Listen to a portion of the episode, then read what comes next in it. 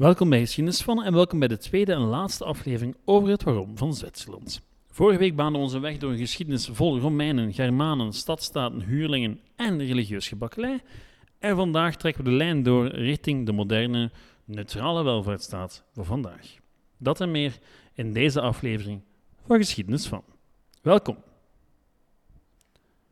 Goed. In het midden van de 17e eeuw was Zwitserland officieel een ding. Wel, de Zwitserse Confederatie in elk geval. Dat is niet helemaal het Zwitserland van vandaag. Niet qua grondgebied en al zeker niet qua organisatie. Qua grondgebied waren er wel een heleboel geallieerde staatjes in de regio die, als je ze toevoegt aan de Confederatie, dan kom je min of meer aan het Zwitserland van vandaag.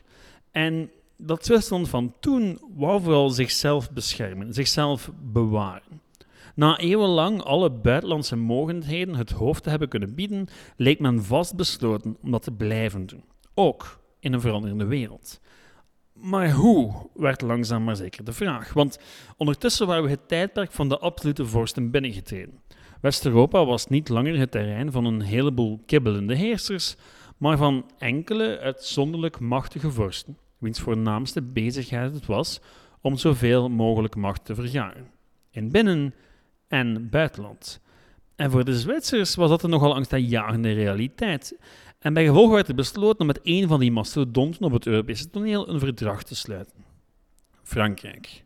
Het Frankrijk van een zekere Louis XIV, om precies te zijn. De Fransen zouden zich niet moeien met interne politiek in Zwitserland en in ruil zou het belangrijkste exportproduct van Zwitserland, huurlingen, gebruikt worden in het Franse leger. Wel, de katholieke huurlingen toch in elk geval. De protestanten belanden op een of andere manier toch vaak aan de zijde van de Nederlanders, of wie er ook aan het vechten was tegen de katholieke Fransen. Zwat.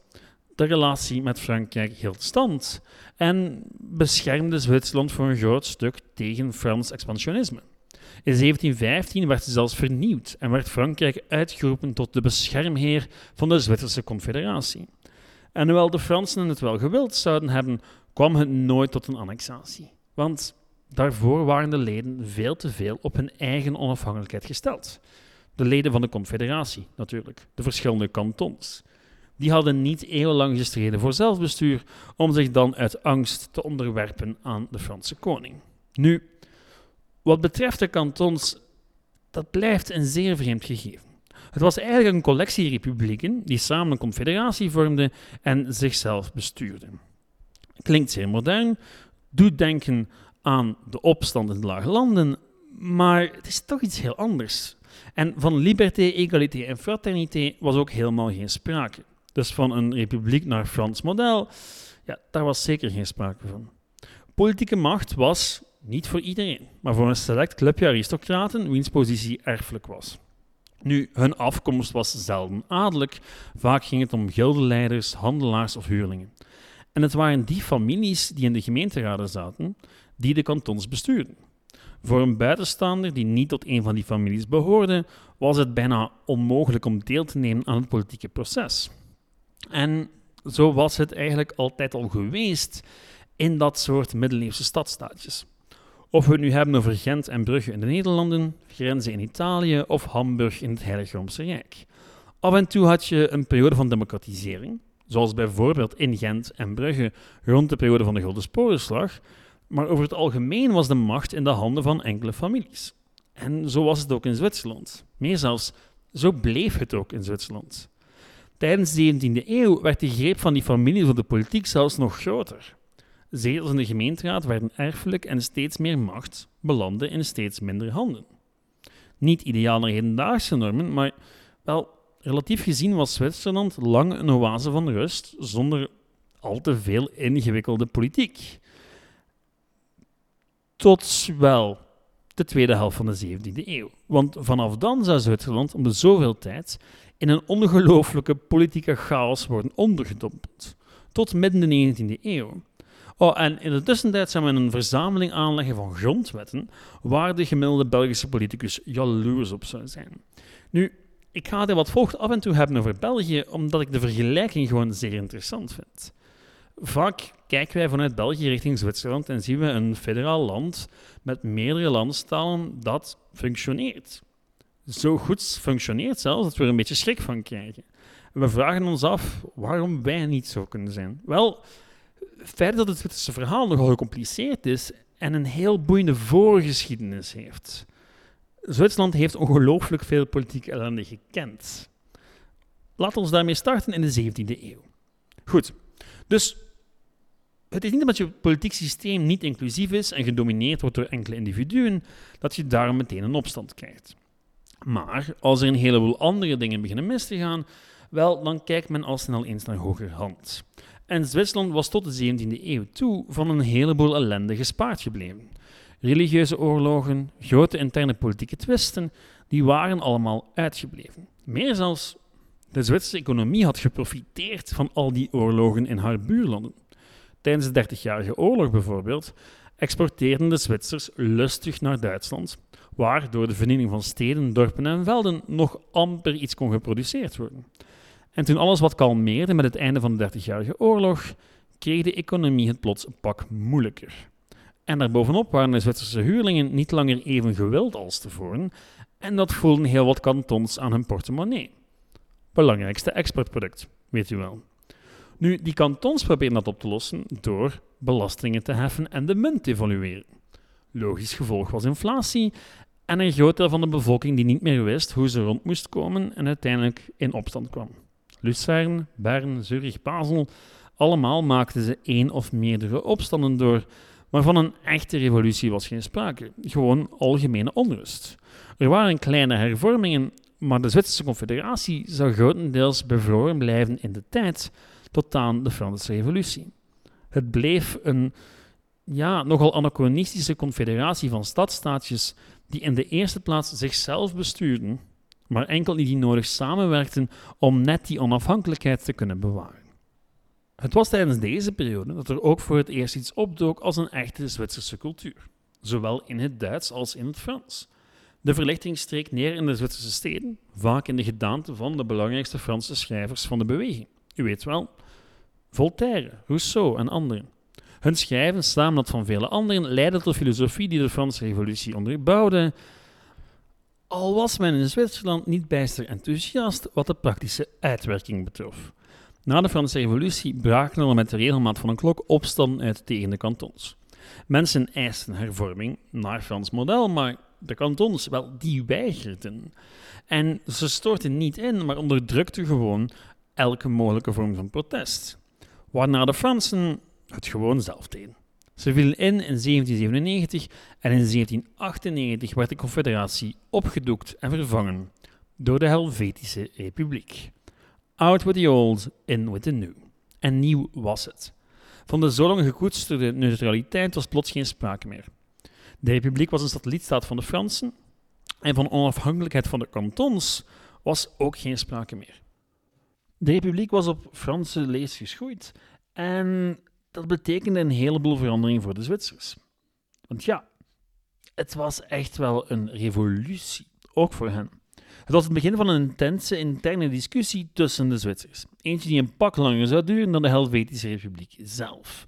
Want ja, meer of minder gezag voor de kantons, het is een discussie die voortduurt tot vandaag de dag. Al waren er ook andere struikelblokken voor de jonge republiek. De door de Fransen geïnspireerde scheiding tussen kerk en staat ging voor veel Zwitsers, zowel protestanten als katholieken, maar zeker katholieken, een brug te ver. Net als het feit dat na eeuwen van relatieve vrede grote stukken van Zwitserland plots slagvelden geworden waren voor de vele legers die optrokken tegen de Fransen.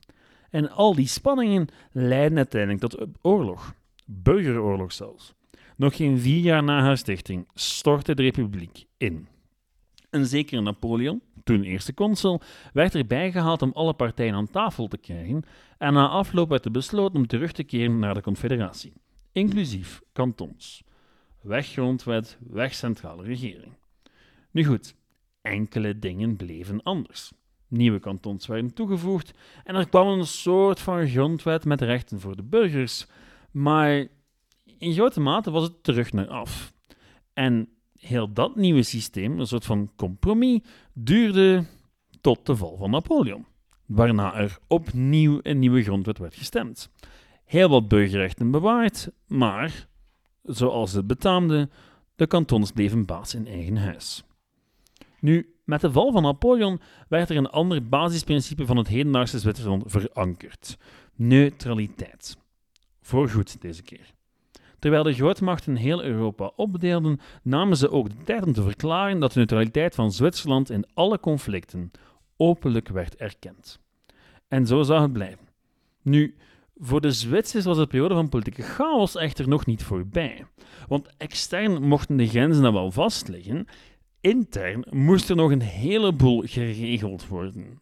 En het duurde tot 1830 vooraleer er weer pogingen kwamen om een nieuwe grondwet te schrijven. Deze keer voor en door de kantons. Want ja, zij bepaalden nu eenmaal hoe het dagelijks leven van een burger eruit zag. Dus was het ook maar logisch dat die burgers, die mee geïnspireerd werden door de Franse Revolutie, dat die eisten van de kantons om te moderniseren, om moderne wetten, wetten te hebben over huwelijk enzovoort. Tegelijkertijd probeerde de oude elite haar rechten terug op te eisen, jonge liberalen probeerden democratie af te dwingen en de scheiding tussen kerk en staat te bewerkstelligen. Vooral die laatste zou wel nogal een hekele zaak blijken. Katholieken en protestanten zagen hun politieke macht steeds meer wegsmelten en daarbovenop wisten een heleboel boeren niet hoe om te gaan met de aanstormende industriële revolutie. En die cocktail zorgde natuurlijk voor opstanden en zelfs gevechten tussen de verschillende kantons. De vooruitgang van progressieve wetten bleek echter niet te stoppen, zeker in de protestantse kantons. Er was simpelweg een democratische meerderheid voor, Tegelijkertijd kon een groot deel van de bevolking zich er niet in vinden. In 1841 ging een liberale meerderheid zelfs zo ver om kloosters te sluiten in katholieke kantons en de Jezuïeten buiten te gooien. Nu, wat de Jezuïeten betreft, dat is een kloosterorde die absoluut een eigen aflevering verdient, want die worden rond deze periode zowat overal ter wereld uit het land gezet.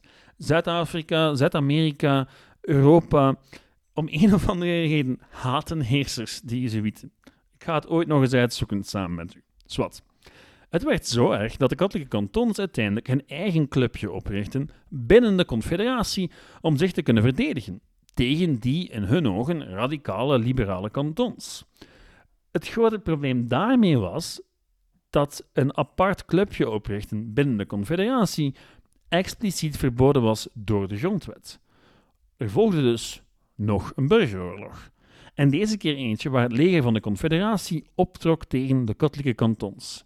Dat alles in november 1847. Dus je krijgt eigenlijk binnen de 19e eeuw een religieuze burgeroorlog in het hart van Europa. Wat nogal fascinerend is als je het mij vraagt. Zwat. Een oorlog dus tussen conservatieve katholieken aan de ene kant en progressieve protestanten, min of meer, aan de andere kant waarmee de toenemende spanning tussen de twee groepen, sinds het begin van de Reformatie eigenlijk, zijn ultieme hoogtepunt kende. Al viel dat hoogtepunt uiteindelijk nog wel mee. In deze laatste twee afleveringen zijn er redelijk wat religieuze conflicten en oorlogen gepasseerd en dit is waarschijnlijk een van de minst dramatische. De oorlog duurde minder dan een maand en er vielen minder dan 100 doden. En geloof het of niet, daar eindigt de nogal woelige geschiedenis van Zwitserland. Het is gedaan met de revoluties en de opstanden. Vanaf nu krijg je een soort van perfecte, moderne Europese welvaartsstaat. Die relatief democratisch is, niet perfect. Feit is dat stemrecht voor de vrouw pas in 1970 werd toebedeeld. En daar kan je zeer veel vraagtekens bij stellen. Het is dat ik een, eh, een, land tegenkom waar men nog later was dan België met het invoeren van het vrouwenstemrecht, maar het was Zwitserland. Maar goed, in het algemeen krijg je echt een kentering vanaf 1847. Nu, wat gebeurt in 1848? Logischerwijze, nieuwe grondwet. En die nieuwe grondwet was de grootste vernieuwing sinds het ontstaan van de Confederatie. Er kwamen twee verkozen kamers. Eentje met leden geselecteerd door de kantons, eentje met rechtstreeks verkozen leden. Het betekende de volledige modernisering van Zwitserland. Wel, stap bij stap. Want die federale regering ja, die moest zichzelf nog wel wat macht toe-eigenen. Zolang zij niks geregeld hadden, mochten de kantons nog alles beslissen. Dus het was pas toen de federale overheid zei: Oké, nu hebben wij minister van Onderwijs, dat die bevoegdheden richting het federale niveau ging. Maar langzaam maar zeker vormde zich een centrale overheid. Met een federale universiteit, federale scholen, nationale taal, Frans, Duits en Italiaans. Nu, tegelijkertijd was het geen echte gecentraliseerde staat. Er was een centrale overheid, ja, maar er lag heel, een heleboel macht bij de kantons. En daarbovenop hadden ook gewone burgers het voor het zeggen. Op meer manieren dan we dat hier in België kunnen zijn. Door reguliere verkiezingen, tuurlijk wel, maar evengoed door de introductie van referenda in 1874. Als een bepaald aantal burgers om een referendum rond een bepaalde wet vroeg, dan moest het er komen. En dat geldt nog steeds in het hedendaagse Zwitserland. Het is achteraf gezien ongelooflijk dat een land dat eeuwenlang bijna exact dezelfde staatsstructuur had, sinds de 14e, 15e eeuw, er in een aantal decennia in slaagde om de boel volledig om te gooien. Nu, naast die politieke transformatie was er ook nog een economische transformatie na 1848. Een uitgebreid treinnetwerk maakte handel en uitwisseling een pak makkelijker en eens de politieke stabiliteit gegarandeerd was, begon die economie te bloeien. Een van de belangrijkste industrieën was, jawel, horloges. En het is ook geen toeval dat die industrie plots ontplofte in de 19e eeuw. Met de industrialisering was tijdsbesef plots een pak belangrijker dan tevoren. Waar het vroeger vol stond om min of meer te weten hoe laat het was aan de hand van het geluid van de klokkentoren, was de situatie midden in de 19e eeuw al helemaal anders. Je moest op tijd op je werk komen. Je was verplicht om zoveel uren per dag te werken. En dan wou je logischerwijze ook weten hoe laat het was. En dat veroorzaakte een soort van nood aan horloges, waar Zwitserland goed op voorbereid was, want die hadden een traditie. En de Zwitserse overheid greep al snel in om te zorgen dat de waarde van die Zwitserse producten bevestigd zou kunnen worden. Zij beschermden hun eigen industrie door strenge voorwaarden op te leggen. Het is daarom dat Made in Switzerland zo'n kwaliteitsmerk is, tot op de dag van vandaag. Nu, ik vertel over het ontstaan van horloges en het moderne tijdsbesef later nog wel meer in een aparte aflevering. Je had natuurlijk ook nog het bankwezen en de ontwikkelende toerismesector, en ook die komen vroeg of laat zeker nog aan bod. Gewoon niet nu. Nu moeten we het nog even hebben over hoe Zwitserland zich door twee wereldoorlogen heen zou spartelen, zonder ook maar één kogel te moeten afvuren. De eenvoudigste verklaring is dat het simpelweg een pak makkelijker was voor alle strijdende partijen om Zwitserland gewoon met de rust te laten. De Zwitsers zouden zichzelf wel degelijk verdedigen als ze aangevallen zouden worden. En zelfs al zou je met de nodige moeite de bergpassen die toegang geven tot het land kunnen innemen, dan blijft de vraag of je de prijs wel wil betalen daarvoor. Dit is een voorbeeldje van de logica die ervoor zorgde dat Zwitserland neutraal zou kunnen blijven. In een vroege versie van het Schlieffenplan, voor Wereldoorlog 1, wouden de Duitsers via Zwitserland Frankrijk binnenvallen op haar oostflank. Maar in plaats van Zwitserland koos men voor België. Een stuk makkelijker terrein en het Belgische leger had niet de reputatie van de Zwitsers. Want ja, dat Zwitserse leger, dat was iets om naar op te kijken. Tegen 1911 bestond het uit 25.000 man met 200.000 reserves. Dat in combinatie met het terrein en de nodige versterkingen zorgde ja, voor de nodige reserves bij de geallieerden en bij de asmogendheden wat betreft een mogelijke aanval tegen Zwitserland. Tegelijkertijd onthaalde Zwitserland tijdens die oorlog 68.000 Britse, Franse en Duitse gewonde gevangenen om te herstellen in de Zwitserse berghotels. Want ja, die stonden bij gebrek aan toeristen toch leeg. Het gevolg was dat Zwitserland tijdens de oorlog een soort van oase werd voor iedereen die niks met die oorlog wou te maken hebben. Een veilige plek om je geld onder te brengen. Dat ook. Want ja, de basis van het Zwitserse bankwezen was dan al een tijd eerder gelegd. Tijdens die oorlog boemde het pas echt. Want ja, de Zwitserse overheid stond garant voor de veiligheid van je geld. Al was het niet enkel geld dat richting Zwitserland trok tijdens de Eerste Wereldoorlog. Evengoed vluchtelingen en revolutionairen van allerlei landen en allerlei allooi. Inclusief Lenin en zijn Bolsjewieken trouwens. Tel daar nog eens de Dadaïsten bovenop, die de basis zouden leggen van de postmodernistische kunst, allerhande spionnen en diplomaten. En je krijgt een zeer vreemde mengeling van mensen die tijdens de oorlog een onderkomen hadden gezocht in de Alpen. Na de oorlog ging Zwitserland verder op het ingeslagen pad. Nieuwe wetten om het bankgeheim te beschermen en de heropbouw van het leger als er oorlog dreigde. En, en dat is een zeer interessant gegeven, een aanmoediging van het Zwitsers nationalisme. Want men besefte dat men wel wat kwetsbaar was voor het nationalisme van enerzijds Mussolini en anderzijds Hitler. Want Zwitserland had zowel een Duitsstalige als een Italiaanstalige bevolkingsgroep. Dus ja, er was wel wat nervositeit bij de Zwitsers. Maar uiteindelijk was er van een echte nazificatie of zelfs meer fascisme weinig sprake in Zwitserland. Zwitserland was in staat om nog maar eens neutraal te blijven in die oorlog, zonder aangetast te worden door alle ellende in de rest van Europa. Toen de Tweede Wereldoorlog uitbrak, was Zwitserland er klaar voor. Er werden in totaal 850.000 troepen gemobiliseerd, troepen die nooit gebruikt werden. Duitsland had plannen voor een invasie, maar zou ze nooit gebruiken.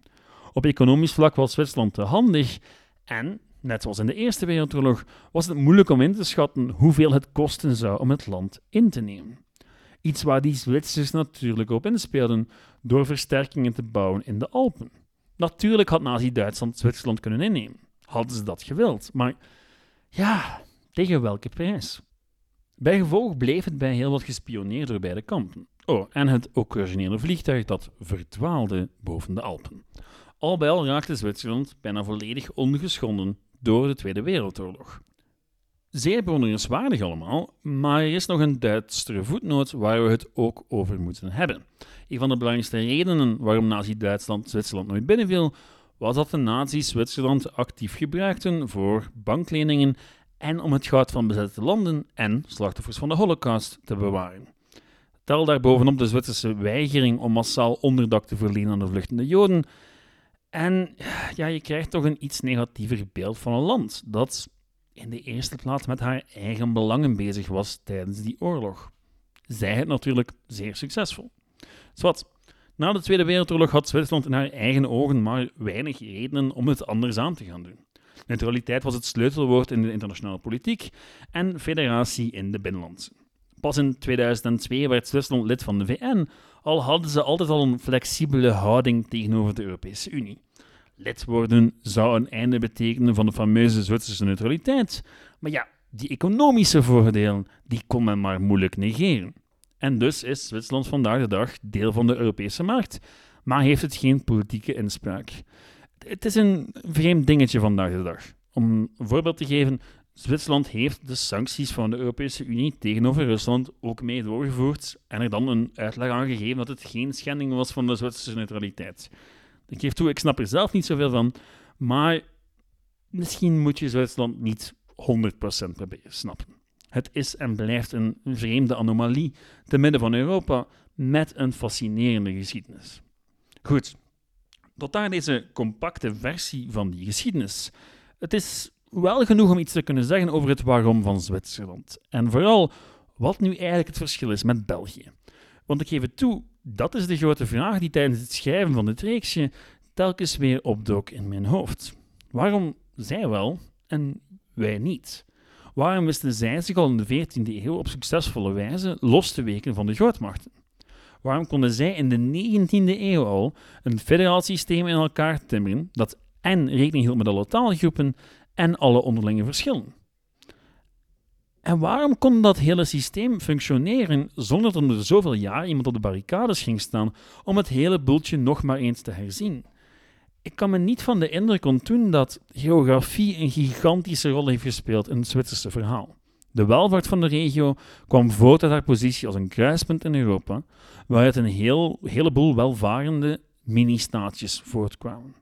So far weinig verschillen met de lage landen, maar het feit dat men zo snel de handen in elkaar wist te slaan en succesvol de Habsburgers en anderen kon uitsluiten van de macht, dat is indrukwekkend en daar moeten die bergen iets mee te maken gehad hebben. Het zorgt ervoor dat er een duidelijke grens was tussen de Zwitserse kantons en de buitenwereld. En het maakte die grenzen bovendien een pak makkelijker te verdedigen. En tegelijkertijd verklaart geografie niet alles. Er was een duidelijke wens van alle kantons om over hun eigen politieke lot te kunnen beschikken zonder inmenging van een vreemde heerser. En het lijkt erop dat net dat ervoor zorgde dat men zich verenigde onder de vlag van de Confederatie. Een confederatie die evolueerde naar een federale natiestaat om te kunnen overleven. Dus wat is dan het waarom van Zwitserland? Geografie voor een stuk, maar hoogstwaarschijnlijk vooral de wil van heel wat Zwitsers om over hun eigen lot te kunnen beschikken en hun lot niet in de handen van anderen te moeten leggen. Vandaar de neutraliteit, vandaar de confederatie, enzovoort enzovoort. Goed, bedankt om te luisteren. Dat was het voor deze week. Volgende week hebben we het over een gerelateerd onderwerp dat ik daar juist al even teasde, meer bepaald tijd of horloges. Ik ga het sowieso over alle twee hebben. Bedankt voor het luisteren. Reageren kan via geschiedenisvan.outlook.be of de Facebookpagina Geschiedenis van. Tot volgende week. Ciao.